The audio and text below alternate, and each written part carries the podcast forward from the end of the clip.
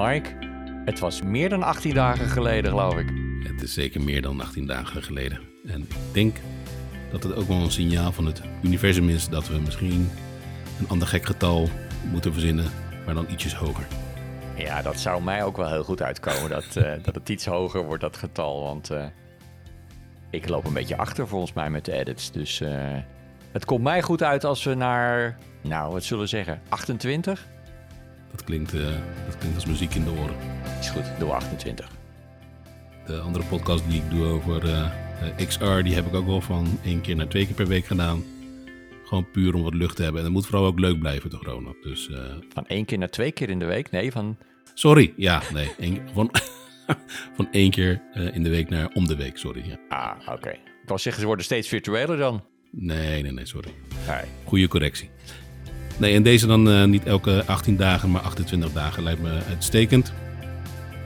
Dus, nou, gaat helemaal goed komen. Dat denk ik ook. Ik heb er heel veel zin weer, ook in dit uh, seizoen, met uh, nieuwe podcasts, nieuwe afleveringen waarin technologie en de mensheid eigenlijk uh, en filosoferen over die verbinding weer centraal staat. En um, ja, heb jij nog nieuwe gadgets gekocht, Mike? Ja, ik heb er eentje wel gekocht. Eigenlijk op jouw aanraden. Ik, ik, heb er twee gekocht zelfs. Wauw. Ik weet niet of ik, er, of ik de ene nog een keer heb genoemd. De Stream Deck heb ik toch maar okay. gekocht. En dan die 15-button knop. Wat mij niet had verbaasd, maar waar ik wel blij om ben, is dat er gewoon sites zijn waar je die templates kan downloaden hè, voor een aantal specifieke apps. Dus voor Microsoft Teams heb ik er gevonden, de hele Office suite, dus voor Word, PowerPoint, Outlook. En ik heb nu een eigen set, die heb ik nog niet publiek, want zo uitgebreid is hij nog niet. Maar ik ben nu een uh, eigen, nou ja, wel. Ik heb een, een 15-buttige template voor Audacity nu uh, zelf gemaakt. Oh, wauw. En dat, uh, nou, moet je denken aan stop, play, record, maar ook vooral silence. Hè? Dus dat je heel snel, ja, je weet hoe de Stream Deck werkt, met letterlijk gewoon één hand op de Stream Deck, alle acties om de knop hebt. Ja, heerlijk. Ja. Heerlijk editen. Dat snap ik. Ik moet het met minder knopjes toe. Ik was al heel vroeg aan de Stream Deck en ik vond het toen met zes genoeg. Maar misschien heb je me nu weer besmet met weer een nieuwe aankoop en is straks de zes knops Stream Deck uh, of in de aanbieding, of uh, die gaat aan de rechterhand in plaats van de linkerhand. Uh. Twee stuks, ja. dat zou wel een mooi gezicht zijn. Ja. Ja, en, en, het is een hele simpele functie, maar ik heb één aparte deck. wat is wel het voordeel van, er lijkt wel 15 knoppen of 6, maar je kan natuurlijk ja. Achter eentje kan je weer een nieuwe zetten en weer een nieuwe en weer een nieuwe. En ik heb gewoon op mijn main deck heb ik een knopje die daar heet timers. Ja. Als je die inklikt, dan heb ik 15 verschillende timers van 1 minuut, 2 minuten, 5 minuten, 10, kwartier, half uur tot een uur zelfs. Mm -hmm. Gewoon voor al die meetings. Ja. En sommige meetings heb ik dan, ieder heeft 5 minuten. Ja, heerlijk om gewoon uh, heel simpel met onder één knopje. Nou, je ziet ook meteen uh, die timer aflopen op je Stream Deck. Ja. Wordt een piepje. Simpele functionaliteit, maar uiterst uh, efficiënt. Helemaal eens. Nou, ik was al besmet en uh, helemaal into de Stream Deck. En, en jij nu ook. En nou ja, goed dat je er meer knopjes hebt. Uh, nou, dat is denk ik wel verstandig. Want met 6, 6 is altijd wel een stuk minder. Dat vraagt wat meer switchwerk tussen de verschillende profielen. Yeah. De enige nadeel wat ik wel gevonden heb, is dat hij wel, maar dat is misschien mijn instelling, is dat hij vrij snel toch als een andere window actief is, ook gelijk daarmee het andere profiel activeert. En dat is soms iets wat ik met de hand door gewoon weer kaal naast uh, mijn desktop uh, canvas te klikken weer uh, de, het default template daarmee inschakel. Hmm. dus dat is, dat is wel een dingetje. Maar voor de rest, nee, ik heb er ook heel veel plezier van. Mooi. Wel een mooie brug naar mijn, um, naar mijn tweede gadget, die ik op, dus op, op jou aanbevelen. En ik zie bij jou ook al iets, iets glimmen op jou. dus die wil ik zo meteen wel wat een en ander over, over horen. Maar we zaten natuurlijk over het editen spreken, dat je, hoe heet dat ding, die contour die Ja. je aan had bevolen.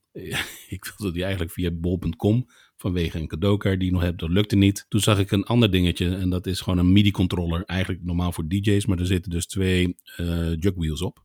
Ik denk, nou ja, hetzelfde principe volgens mij. En die kan ik dan ook wel programmeren. Ja. Maar nee, uh, Audacity, dit is echt een beperking van Audacity. Die kan dus eigenlijk ja, geen MIDI-controls naar, naar, naar dat, dat ding voor. Okay. heel snel en gevoelig uh, voor of achteruit spoelen. Dus die vlieger gaat helaas niet op. Ik weet niet hoe Contour dat zou, zou oplossen.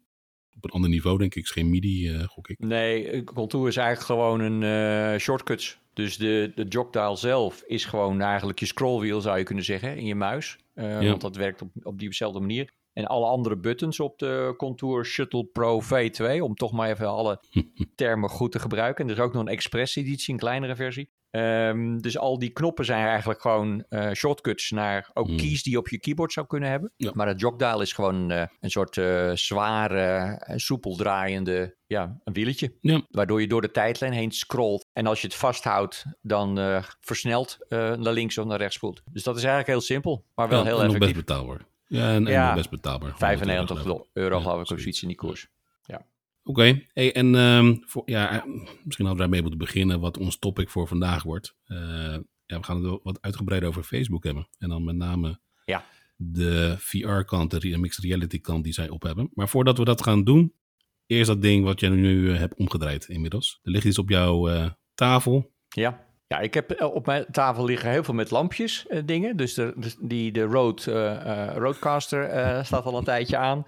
Daar ben ik heel blij mee. Dat werkt heel goed eigenlijk. Ook met, vooral met de, het, zeg maar het paneel waarbij je achter één knopje geluiden of hele interviews kan plakken. Maar mijn laatste aankoop op zoek naar een telelight. Eigenlijk op zoek naar iets wat je in tv-land herkent als het rode lampje wat boven de camera aangaat als de camera actief is. Dat is er ook voor, eh, nou ja, voor de thuiswerkende, producerende video-audio eh, eh, nerd. En, en, en, en natuurlijk is dat gewoon te koop als een lampje bij een firma die telelights levert voor de bestaande industrie voor eh, 300 euro en dan begint het. Maar ik heb een telelightje gekocht en dat is eigenlijk een M5. Dat is een klein mini-computertje met geluid erin, een klein speakertje, een eh, rood ledje, een displaytje, kleurendisplaytje en eh, Bluetooth Low Energy. En er zit een, eh, een klein, ja, een soort batterijhoudertje bij. En dat is programmeerbaar. Het is gewoon een, een, een chip die vanuit een Arduino interface te, programmeren valt. En daar kun je dus van alles wat mee doen. En een van die dingen die ik er nou mee ga doen is een daily maken. Zodat ik weet welke camera, als ik aan het uitzenden ben, actief is. Mooi. Ik dacht eerst hè, dat je dat het zo'n zo'n rood lampje was. Meer voor vrouwlief van eh, nu niet storen. Zoiets dacht ik. Ja, maar dat had ik al. Dat had Oh, ik al. heb je al. Dat heb ik al, ja.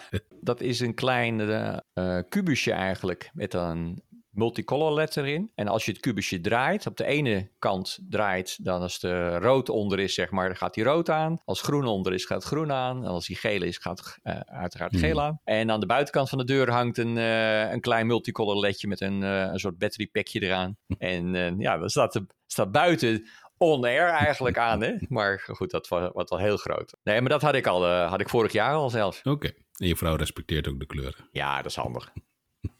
Nee, leuk. Ja, ik zou je wel eerlijk zeggen dat ik stiekem wel wat jaloers ben als ik nu ook die Rodecaster Pro voor je neus zie. Ik hou überhaupt wel van eh, kleurtjes. En, nee, maar het is gewoon een mooi ding. Ehm, Ja. Een handig ding. Wie weet, wie weet Ronald. Maar eerst een eh, andere gadget. Ik denk dat we eerder allebei een, een Oculus 2 hebben. Ja, mooie brug, mooie brug. Want het, ik vond het wel weer grappig dat wij onafhankelijk van elkaar. Eh, we hadden alle twee een eh, soort antipathie tegen Facebook, min of meer. En toch hebben we stiekem eh, individueel van elkaar. Nou, ik heb hem nog niet heel hard, hard besloten. Jij meer van wordt het vrijdag of volgende week. Maar ik begin steeds meer toch te denken van ja, het is wel het meest toegankelijke platform. De bril is gewoon super betaalbaar, hè? dus de technologie is betaalbaar. Hij is eh untethered, oftewel er zit geen draad aan, wat ik wel heel fijn vind. Eh, met wel de optie trouwens, eh, wil je voor multiple monitors, meen ik. Ehm, wat mij heel erg tegenhield was, ja, en is nog steeds wel hun, hun, hun hele privacy, en de, de privacy concerns daaromheen. Totdat ik vorige week ergens, nou we leven nu zeg maar ergens in januari 2021, is er een memo eh, eh, verschenen van de grote baas eh, van, die die afdeling leidt. Voor mij heet die Reality Labs, die afdeling. En dat is de, die, die grote baas, dat is Andrew Bosworth. Ook wel Bos, Bos genoemd met een Z. En zijn memo ehm, is getiteld The Big Switch. Nou, ken ik de Big, de Big Something wel. Dat is ook een film volgens mij, maar dat is vast voor de, voor de, voor de show notes. Maar vertel Mike, wat is The Big Shift? Uh, het is een parallel wat onze oud-werkgever heeft gedaan, uh, Ronald. Microsoft. Microsoft die heeft, nou wat zal het zijn, 20, 25 jaar geleden, misschien 20 jaar geleden. Toen stonden ze daar nog niet echt bepaald bekend om het meest veilige, de meest veilige software die ze leverden. Windows zat vol met lekken en zo'n beetje alles wat ze ook leverden. Security stond gewoon niet op nummer 1. Sterker nog, dat bungelde denk ik een beetje onderaan. Ja. En zij zagen dat het echt een groot, grote, groot risico was en een bedreiging voor, voor de adoptie of de uitbreiding van hun software.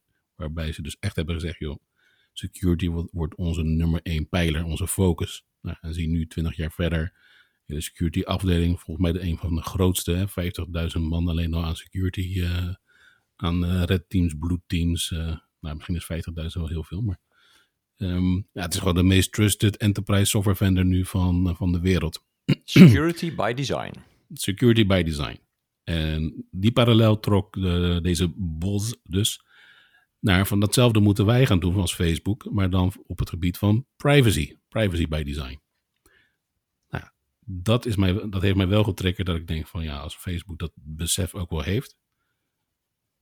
Ja, het is een lange weg. Maar ik geloofde, ik geloofde er wel in. Ik geloofde die memo wel. Ja, ik, ik, denk, ik, ik denk dat het een uh, bedrijven komen uh, ergens in, het, in een ontwikkelingstijd erachter dat uh, er bepaalde essentiële dingen zijn. naast het, het meer commerciële model wat, al die bedrijven, wat veel bedrijven in zich hebben. Niet alle bedrijven, maar veel bedrijven in zich hebben. En waar natuurlijk vandaag de dag ook heel veel discussie over is. Hè, van is er niet meer dan alleen het geld verdienen stuk en groei, groei, groei, groei, groei. Ja. Maar um, ja, als er geen veiligheid is en geen adoptie, dan is er ook geen groei. Dus je zal moeten ergens. En uh, ja, het, ik zie het als een positief signaal dat, uh, dat Facebook daarachter is gekomen. Nou komt het natuurlijk nog na het, uh, komt, komt, nu is nog de executie belangrijk. Hè, van gaat yep. hoe, hoe, hoe, en waar en hoe, hoe snel.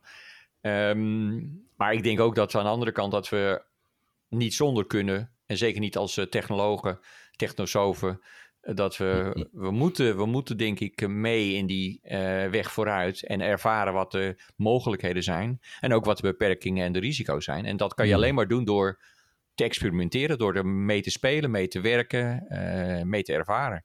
Want anders weet je het niet. Uh, dat, is wel, dat is ook een beetje typerend voor deze tijd, experimenteren. Je moet het blijven doen. Doen wij de hele dag. Ja, nou ja, terecht punt natuurlijk. Alleen um, daar zit wel een zekere paradox voor mij. Hè? Want ik wil, die, ik wil met alle liefde experimenteren. En je hebt daar ook wel genoeg andere aanbieders. Hè? Bijvoorbeeld HP heeft zo'n reverb. Ja. Is wat duurder. Maar daar, zie ik, daar heb ik eigenlijk geen privacy concerns. Ik ook niet. Niet tot nauwelijks. Nee. Dan denk ik van ja, zou ik nou gewoon een paar honderd meer neerleggen en dan daarvoor gaan? Of ja, weet je, het is uiteindelijk toch een platform. Eh, de hele wereld zit bekend weer op Facebook. Ik gebruik Facebook al lang niet meer. Ik gebruik geen Instagram. Ik gebruik alleen WhatsApp. Feitelijk. Maar een van die dingen die mij toch, en ik durf het bijna niet aan mijn strot te krijgen, maar wat mij toch wel aanspreekt van Facebook, is dat zij, denk ik wel, als een van de weinige big tech companies, misschien Apple daar, daar gelaten, wel de toekomst zien en de waarde van, van nou ja, onze Ready Player One visie. dus dat steeds meer in een in een niet-fysieke wereldaspect. En ik noem het niet fysiek omdat het virtueel kan. Het kan augmented, mixed, extended, hoe je het noemen wil. Maar ja, dat zij daar fors geld op inzetten, dat zie je wel. Hè? Die dingen gaan denk ik met verlies over de toonbank. Ja, uh, zeker. Uh, en zij, ja, zij sponsoren dat via de advertenties en de profiling. Uh, ik hoorde laatst een andere podcast voor mij bij onze bijna naamgenoten, de technoloog ja, dat Facebook is echt de beste geldpers die je kan verzinnen. Je stopt er uh, een willekeurig bedrag in en het verdubbelt zich vanzelf, omdat je zo, zo specifiek kan, kan targeten van, joh, ik wil, en dat, dat in dit geval was het over een conferentie voor uh, neurologen, mening, over het gebruik van, uh, van bepaalde middelen. ja, dan moet je zo specifiek targeten en moet een PhD hebben in dit veld. En, en ze zeggen, ja, Facebook, ik, dat kan niet op LinkedIn, dat kan niet op Google, dat kan echt alleen maar op, op Facebook. Daar zijn ze dus goed in. En dan zie ik ook nog als zij, als zij nou ja, ze hebben de Oculus kant, maar ze hebben dus nu ook die software platform kant, dus met de Horizon. Ja. En als derde hoorde ik laatst iemand zeggen van ja, die zit er sterk aan gerelateerd, maar heel veel, of gerelateerd, maar dat, heel veel mensen zien het nog niet. Is die Libra, hè? dus de, de Bitcoin-achtige variant, de, de, de cryptocurrency van, van waar Facebook in zit. Hoe kijk jij er tegen, Ronald? Tegen die driehoek? Toen je het net zei, toen dacht ik buiten de Libra hoor ik je eigenlijk een soort nieuwe Microsoft vertellen. Ja. Het is een multiplatform speler. Geld in de klassieke zin, dat geeft, daar kleeft toch altijd wat, wat een nog grotere kwetsbaarheid aan. Uh, dat zie je nou aan de, aan de, aan de hele Bitcoin-versnelling die er nu hmm. plaatsvindt. En de volatiliteit in, de, in die koersverloop en zo. Hmm. Dus het is een heel andere dynamiek. Dus zonder de Libra zou ik er nog wel positief gestemd over zijn. Met de Libra heb ik er toch een kwetsbaarheidsgevoel bij gecreëerd. En dan is bijna, dat is bijna net zo gevoelig voor mij als, als dat hele privacy-stuk, wat ze dan nu wel gaan counteren. Ja. Ja, dus ik, ik zie die verbindingen wel ontstaan. Hè. Je, het gaat straks steeds meer een spel worden van virtuele goederen. Um, dus als jij en ik, nu zitten we allebei thuis, we nemen op via de cloud, we worstelen nog wat met videoverbinding. Dat is allemaal nog eigenlijk uh, een digitalere versie van de analoge omgeving. Hmm. Maar als we dit in een next level stappen, hmm. dan zitten we allebei met een Oculus op en dan zitten we in, uh, in een Clue uh, of spatial omgeving waar we die opname doen. Waar we ook gewoon publiek hebben die meeluistert en meekijkt. Ja. En dan is het misschien wel belangrijk om een soort van financieel model te hebben en een munt te hebben, in de oude termen. Hmm. Waar je dan uh, de transacties misschien wel per minuut betaalt of per opmerking of per Misschien wordt de uitzending wel uh, gelijk onder de hamer gebracht. In de zin van dat hij uh, per onderdeel uh, geld opbrengt of zo. Dus, dus de, die datakant erin, die gaat dus kortom gaat, zo belangrijk. En die is al belangrijk, maar die gaat nog veel belangrijker worden, denk ik. En dan is het hebben van een, van een munt om die transacties te faciliteren, is natuurlijk een essentieel onderdeel. Ja, ja ik zie zelfs twee kanten hoor van die medaille. Het is enerzijds die, die, die cryptocurrency platform, hè? dus als munt inderdaad, als munteenheid, waar je misschien microcredits of micro, ja, micropayments kan doen. Micropayments gaan doen, net, exact. En aan de andere kant, en dat vind ik, dat, is, dat heeft wel een klein beetje mijn ogen geopend voor het, um, het onderliggende, hoe heet het ook weer? Niet, dus niet Bitcoin, maar uh, blockchain, de, de blockchain technologie. Mm -hmm. Namelijk iets wat virtueel oneindig uh, beschikbaar kan zijn, toch schaars te creëren. En ik worstel me daarmee, hè, want het is wel waar. Je kan daar de, dat is de reden waarvoor feitelijk een bitcoin zoveel waard is. Hè. Er is gewoon een, wat is het, 21 miljoen bitcoin zijn er zo meteen maximaal in omloop. Uh, ja, dus er zit gewoon een keiharde deadline, terwijl het echte geld, ja, daar, kan je wat bijpersen en het, uh, de waarde gaat naar beneden.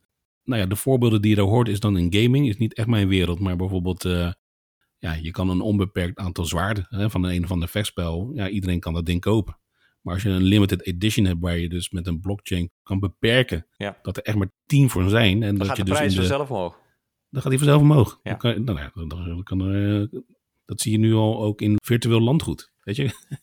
Geldt in, in, dichter bij huis nog in de tijd, zou je kunnen zeggen. Voetbalplaatjes, dat is met trading cards, dat is met heel veel dingen waar toch papier, waar een plaatje op staat wat gedrukt is waar de producent van de kaartje zelf aan zijn eigen printingpers zit. Uh, en waar hij limited editions creëert, kan, uh, gaat de prijs omhoog. En dan zie je ook hele nieuwe industrieën ontstaan. Een grote industrie is, het, is de industrie van certificeringen. Dus die kaartjes moeten geauthenticeerd en gecertificeerd worden over zijn ze wel echt geen namaak en hoe oud zijn ze echt. En daar worden punten aangekend. En dat, dat is een enorme markt. En dat is een heel groot bedrijf in Amerika die echt skyrocket in de, in de aandelen gaan ook nu.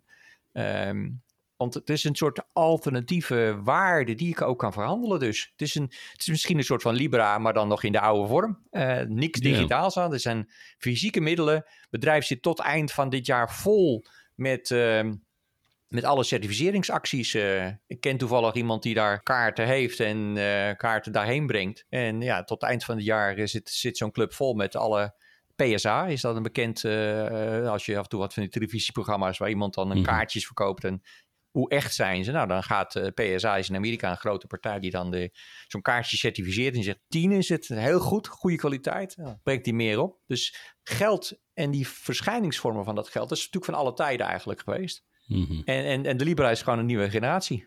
Volledig digitaal. Precies, ik zat even te zoeken weer naar die digitale transformatie. Want met kaartjes en papier, dat klinkt heel erg uh, oldschool, hè? Zeker. maar de, ja, dit is wel de, de, de digitale vorm ervan. En we hebben het wel eens vaker gehad. Hè? Ik, ik meen dat, dat, dat, dat jij het vanuit uh, David Dimsum het lipstick-fenomeen noemt. Ja, het ziet er mooier uit, maar het is, het is nog steeds uh, die, oud. Het is nog steeds het analoge proces, maar dan gedigitaliseerd op een bepaalde manier. Het, het, en het nut dus niet uit wat er digitaal wel kan al. Hè? Dus als je kijkt naar dat digitale, wat er nu kan, en je haalde het woord al aan, net straks. Uh, het is eigenlijk best een heel oud thema al, maar ik denk dat het nu pas kan, is die micropayments.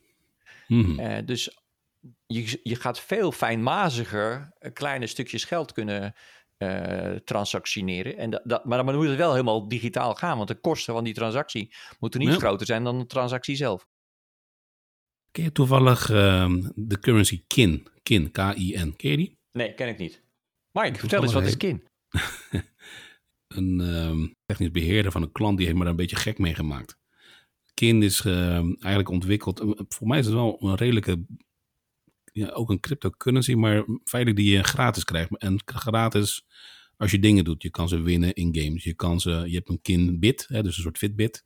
Mm Dus hoeveel kilometers uh, jij loopt, hoe, dan des te meer kin jij uh, toegekend krijgt. Oké. En dan kan je dus ook payments, je kan, uh, ik kan jou 10 kin toesturen, ook via een tweet. dus dan zet een tweetbot in, dan zeg ik stuur 10 kin. En dan denk ik van, dat concept, of het nou kin is, bitcoin of een micro, weet ik veel een kleine bitcoin tegenwoordig heet. Dus ik mag aannemen dat je ook niet één bitcoin, maar 0,00001 bitcoins tegenwoordig kan sturen. Gezien de waarde van 30.000 dollar staat hij nu, 40.000 bekend. Ergens die koers, ja, het is uh, volatiel gek. Het is heel eng. Je moet wel eens even denken aan die, aan, die, aan die beste man die een pizza voor 8 bitcoin ooit heeft gekocht in het begin. Ja, ja. 29.000 euro op dit moment.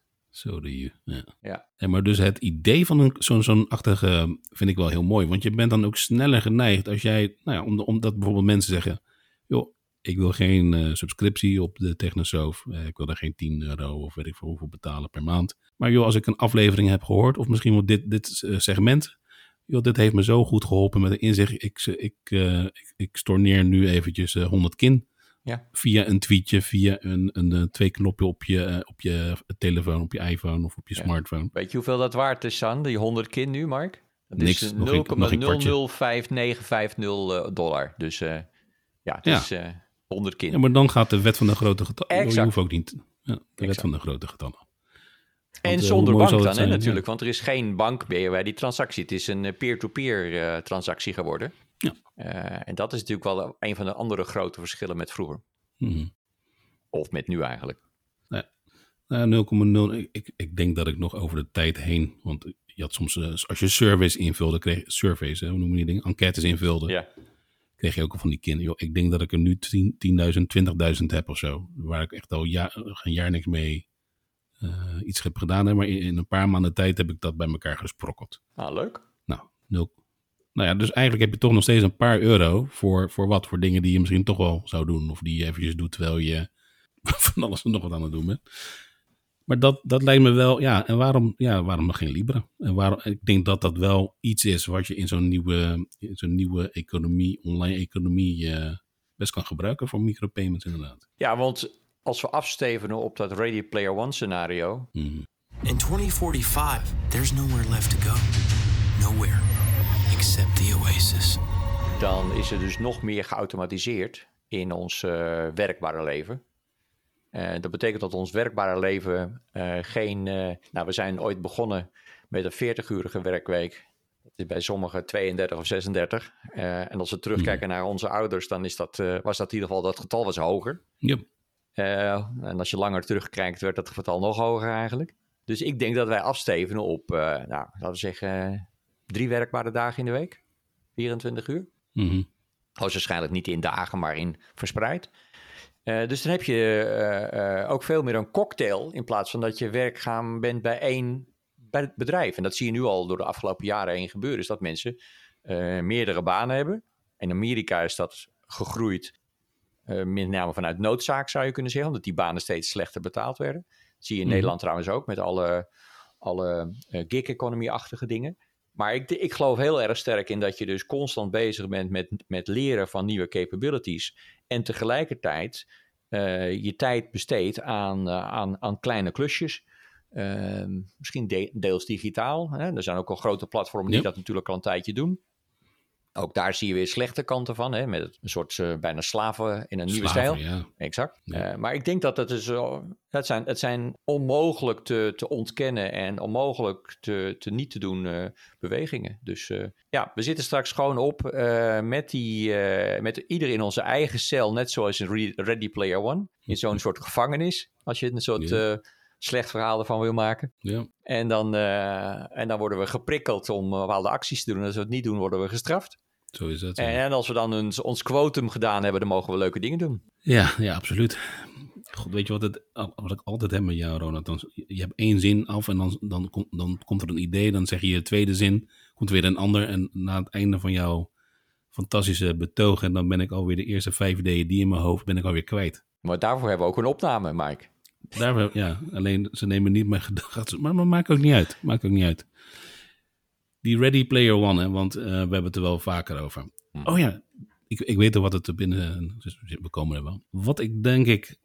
Wat ik wel een mooie pa- parallel vind. Ik hoop dat die niet helemaal waar is. Maar mensen zeggen wel van. joh, we hebben namelijk nu een pandemie. Nog steeds in deze opname. Mhm. Die was, we hebben ook de Spaanse griep gehad, voor mij eh, Ja. precies, of net even wat meer dan 100 jaar geleden. En daarna kreeg je die Roaring Twenties, hè, dus 1920 tot 1930. Dat waren de Roaring, roaring Twenties. Alles een opleving en alles weer ging weer goed, het was onder controle. De, het zal mij helemaal niet verbazen zodra dit achter de rug is, en ik mag echt wel hopen dat het dit jaar is, dat we toch weer zo'n soort opleving krijgen. En, en het nadeel was, als die parallel doortrekt, in de jaren 30 kreeg je, even geschiedenislesje, de Great Depression. Precies. Ja, dus dat, en dat zit er natuurlijk dik in. Eh, ook met ons, als je ziet hoeveel, hoeveel kapitaal er is gegaan naar eh, van die steunpakketten. Ja, dan denk ik van, zou die zo'n digitale, online, virtuele wereld, zou dat, zou dat een toevlucht kunnen zijn? Zou dat een escape plan kunnen zijn om die depressie op te vangen? Zo'n great dus dat je daar veel meer een nieuwe economie krijgt, dat je daar ook je werk kan gaan vinden. Het enige risico daarin is, want ik, ik volg je goed, Dat is knap. is, want je ziet naar al dit soort, ja, dat is knap. Dat, maar dat komt omdat jij gewoon veel minder van die eh olifantenpaadjes eh, creëert en inloopt dan dat ik doe. Hè? Dus dat is, dat is dank daarvoor. Hm. Dat is ook onze spanning en onze balans, zeg maar even in het gelijk. Dus dat is, Hm. dat, dat is wat wellicht onze luisteraars ook leuk vinden. Je ziet dat door zo'n eh, Spaanse griep of door welke groot event er ook is en wat er daarna weer vaak... zijn er een aantal partijen die, die daarin winnen. En dat zijn altijd best wel een aantal partijen geweest. Mijn grootste angst is dat in zo'n nieuwe depressie... dat er dan maar een zeer beperkt aantal partijen gaan winnen. Als er maar misschien zelfs maar één partij gaat winnen. Mhm. En als Facebook dat die ene partij is... dan heb ik er wat minder positieve gevoelens bij. Ja, Eh, eh, ja. Trouwens, niet alleen Facebook specifiek, maar als het steeds maar als het maar weinig partijen zijn die winnen, Mhm. dan is daar een enorme afhankelijkheid. En dat is wel wat Ja. anders is in de huidige tijdsgewricht vergeleken met vroeger, is dat er Mhm. een beperkt aantal partijen heel groot zijn. Met een enorme impact en enorme kracht. Daar zou wel wat meer tegenkracht ontwikkeld kunnen worden. En misschien zijn wij dat gewoon, hè? wij als eh, gebruikers van die technologie. Als we die bewustwording hebben en die begrijpen hoe die capabilities in elkaar zitten, misschien zijn we dan ook eh, eh, sneller, krachtiger dan dat we ons eh, nu realiseren. En dat is misschien het laatste voorbeeld is daar in de beurs eh, natuurlijk met GameStop. Hè? Zo, Dat is- dat is wel, ja, dat is wel een zeer actueel, maar ook een prachtig voor, voorbeeld van, hoe heet die? GameStop, hè? Ja, GameStop was het, ja. Ja dat is, eh nou, goed, dat- even in de show, ja, Dit is in de show notes, maar GameStop is natuurlijk ook voor een deel een piramidespel eigenlijk. Hè? Dus eh, ja, ja. is de moderne vorm. misschien. Ja. ja, misschien wel. Ik zit niet zo goed in de historie om daar eh, nu de voorbeelden bij te bedenken. wat die goede en wat die slechte dingen zijn geweest. Ik, ik heb een klein beetje research al gedaan. Ik heb hem namelijk gebruikt bij het inluiden van het nieuwe jaar voor ons competence center hè, bij WinVision. En ik, ik hou er wel van om ook elke meeting een soort themanaam te geven. Zo hadden we de, de balansdag, de laatste van 2020. En deze heb ik de verlichting genoemd. Klinkt een beetje zwaar. Maar dat was ook de verlichting over de koers, hè, de weg. Dus dat je die verlichting ziet. Ja, En, eh, eh, maar ook de verlichting qua stroming. Hè? Dus eh, ik heb wel een keertje een stuk geschreven over de digitale renaissance of de digitale revolutie. En ik pleitte toen eigenlijk voor de renaissance. Terwijl de revolutie toen ik me een beetje ging verdiepen. Hè? Je hebt dus eerst de renaissance en aan het einde van de renaissance kreeg je de verlichting. En eigenlijk daarna de, de Franse revolutie eh, Mhm. toen de tijd. En toen dacht ik, die Franse revolutie is, ja het was een slechte tijd. Maar het was wel het moment dat de burger in opstand kwam om die grote elite af te zetten. Hè? Dus Ja. einde monarchie. Als je dat doortrekt dan naar die big tech. Ja, misschien komt er dus toch wel een digitale revolutie als consument, wij met z'n allen. Eh, om die grote big tech eh, bedrijven, of, of nou, misschien wel zo'n monarchist als een monopolist dus, een monarchist als Facebook eh, af te kunnen zetten, of in ieder geval in te, in te dammen. ja. Ja, we zullen het zien. En, en voordat we dat een mening over vormen, is dat dan handig om dan te experimenteren met de spullen die die, die, die techplatform levert. Dus ja, Ja. Paard van Troje. dat betekent voor mij het paard van Troje. Je moet, je moet er wel in zitten een keer in het paard om te begrijpen dat je in een paard zit. Ja, Eh, ja. Dus we gaan, dat, eh, we gaan eh, toch zo'n aanschaf doen. En Mhm. praten over iets wat je niet zelf ge- mee gespeeld hebt. Ja. Ja, dat is nooit zo. dat is gewoon een mening. Dat is geen ervaring. Een beetje zeiken over de politiek, maar niet stemmen. Beetje, hè? Dat is dezelfde categorie. Zoals iemand tegen mij zei laat, is dit je mening of heb je er ook verstand van? dat is een eh, gevleugelde, ja. Mooi. Hey, hebben we nog meer op ons programma staan? Eh, want dit, dit is wel denk ik de essentie waar we het nu even over wilden hebben. De, de, de, de Facebook, eh, het concept, het fenomeen Facebook. Die Oculus, ik begrijp dat we onze volgende over, opname op, over 28 dagen in een virtuele wereld gaan opnemen. Alle Ja. twee een eh, Oculus op onze knars. Op onze knars en dan eh, nemen we hem op in Glue, in de Matisse ruimte. Of ik heb, ik heb al een ruimte klaargemaakt. Ik had een plaatje Oh, dat- aan je gestuurd. Ja, dus het ziet er, eh, ziet er geinig uit. Zal ik in de show notes eh, zetten, het linkje ervan. eh. Ja, de Matisse. ja, dus een bedrijfsverzamelgebouw wat oneindig groot is. en waar iedereen een mooi uitzicht heeft. En ehm, waar de, de, de scrumruimte voor ons. Hè? En ja, er zit De een scrumruimte in, big heb ik room. gemaakt. En een, en een big room waar een heel groot Hm. presentatiescherm hangt. En, en als we er even niet meer zien zitten, dan is er altijd nog een, een klein stukje aan het strand. eh, rustig de zee hoort. ja, echt, Ik denk in, in, inloop met een rots om je nek. Eh, waar, je- waar je met een kilo op je hoofd zit om, eh, om, om elkaar te zien. Waar je alleen de handen ziet en een, eh, en een avatar van jezelf. Maar goed, misschien is dat onze Ja. toekomst wel. Ons, ons lot als mensheid. Oké, dus we gaan hem alle twee bestellen. Ik begrijp het dan. Nee, ik, heb nog, ik heb nog twee nabranders, Ronald. Eh, ehm, Goed. de ene schiet me ook weer nog te binnen. Wat, wat, toen je dat zei over van de meerdere jobs, hè, of, of freelance, of om die eh, gig eh, economy. Ik geloof er ook echt heilig in dat, je, dat het goed voor de mens is als je twee verschillende carrières eh, hebt. Na elkaar of tegelijkertijd? En ik merk dat bijvoorbeeld. Nee, prima zelfs naast elkaar. Ja. In verschillende vakgebieden. En waarom? Je ziet toch kruisbestuiven dat je denkt van hé. Hey, ehm, ik zie dat bijvoorbeeld in de advocatuur, hè, van waar mijn vrouw in zit. Ik merk toch stiekem dat ik daar veel meer aan heb dan ik zou willen toegeven als ik het zie in, nou, ja, ook in mijn rol in de OR. Maar ook als over consultancy. Hè, de parallellen tussen consultingclubs en advoca advocaten is eigenlijk best groot. Is heel groot. Ja. Professional services firms, hè? dat zijn ze allebei eigenlijk. Een ander gebied. En een tweede, en dat wordt echt wel, dat gaan we niet in een minuutje meer kunnen proppen. hè, Maar toen je het had over ehm, virtuele objecten en die microcredits, payments. Moest een beetje denken weer aan die Rodecaster Pro die voor je ligt. Hè. Dat is een, een fysiek apparaat, die kost best een hoop knaken. En dan denk ik van ja, in een virtuele wereld zou je, kom je best ver om, om daar een virtueel object van te maken. Hè, die je dus bedient met je, Ja. nog steeds met gestures, met je handbewegingen.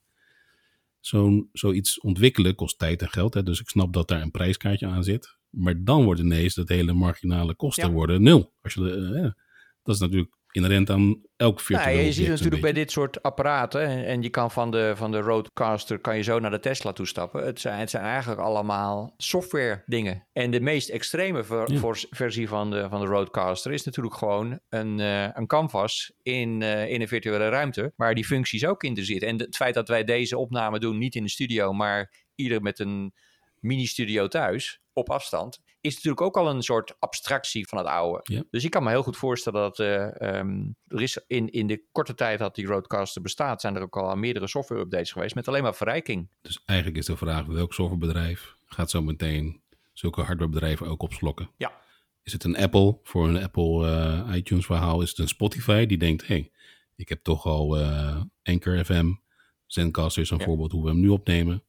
Ja, waarvoor ook niet een hardwarebedrijf dat je denkt, ja, we moeten wel voor goede microfoons en... eh, ik weet niet, het zal ook partnerships kunnen worden. Maar je, ik denk dat die twee werelden steeds, ook op dit gebied, Ja. steeds meer Maar dat heb je al bij, gaan. Apple al, al jaren gezien, hè? eigenlijk dat ze heel hard die hardwarekant houden om die softwarekant verder te laten groeien en te verankeren eigenlijk. Het is een heel dat, dat- een gesloten ecosysteem heeft daar enorme voordelen. Stel dat Apple zijn apparaten voor een kwart van de prijs zou leveren, dan worden er veel meer verkocht.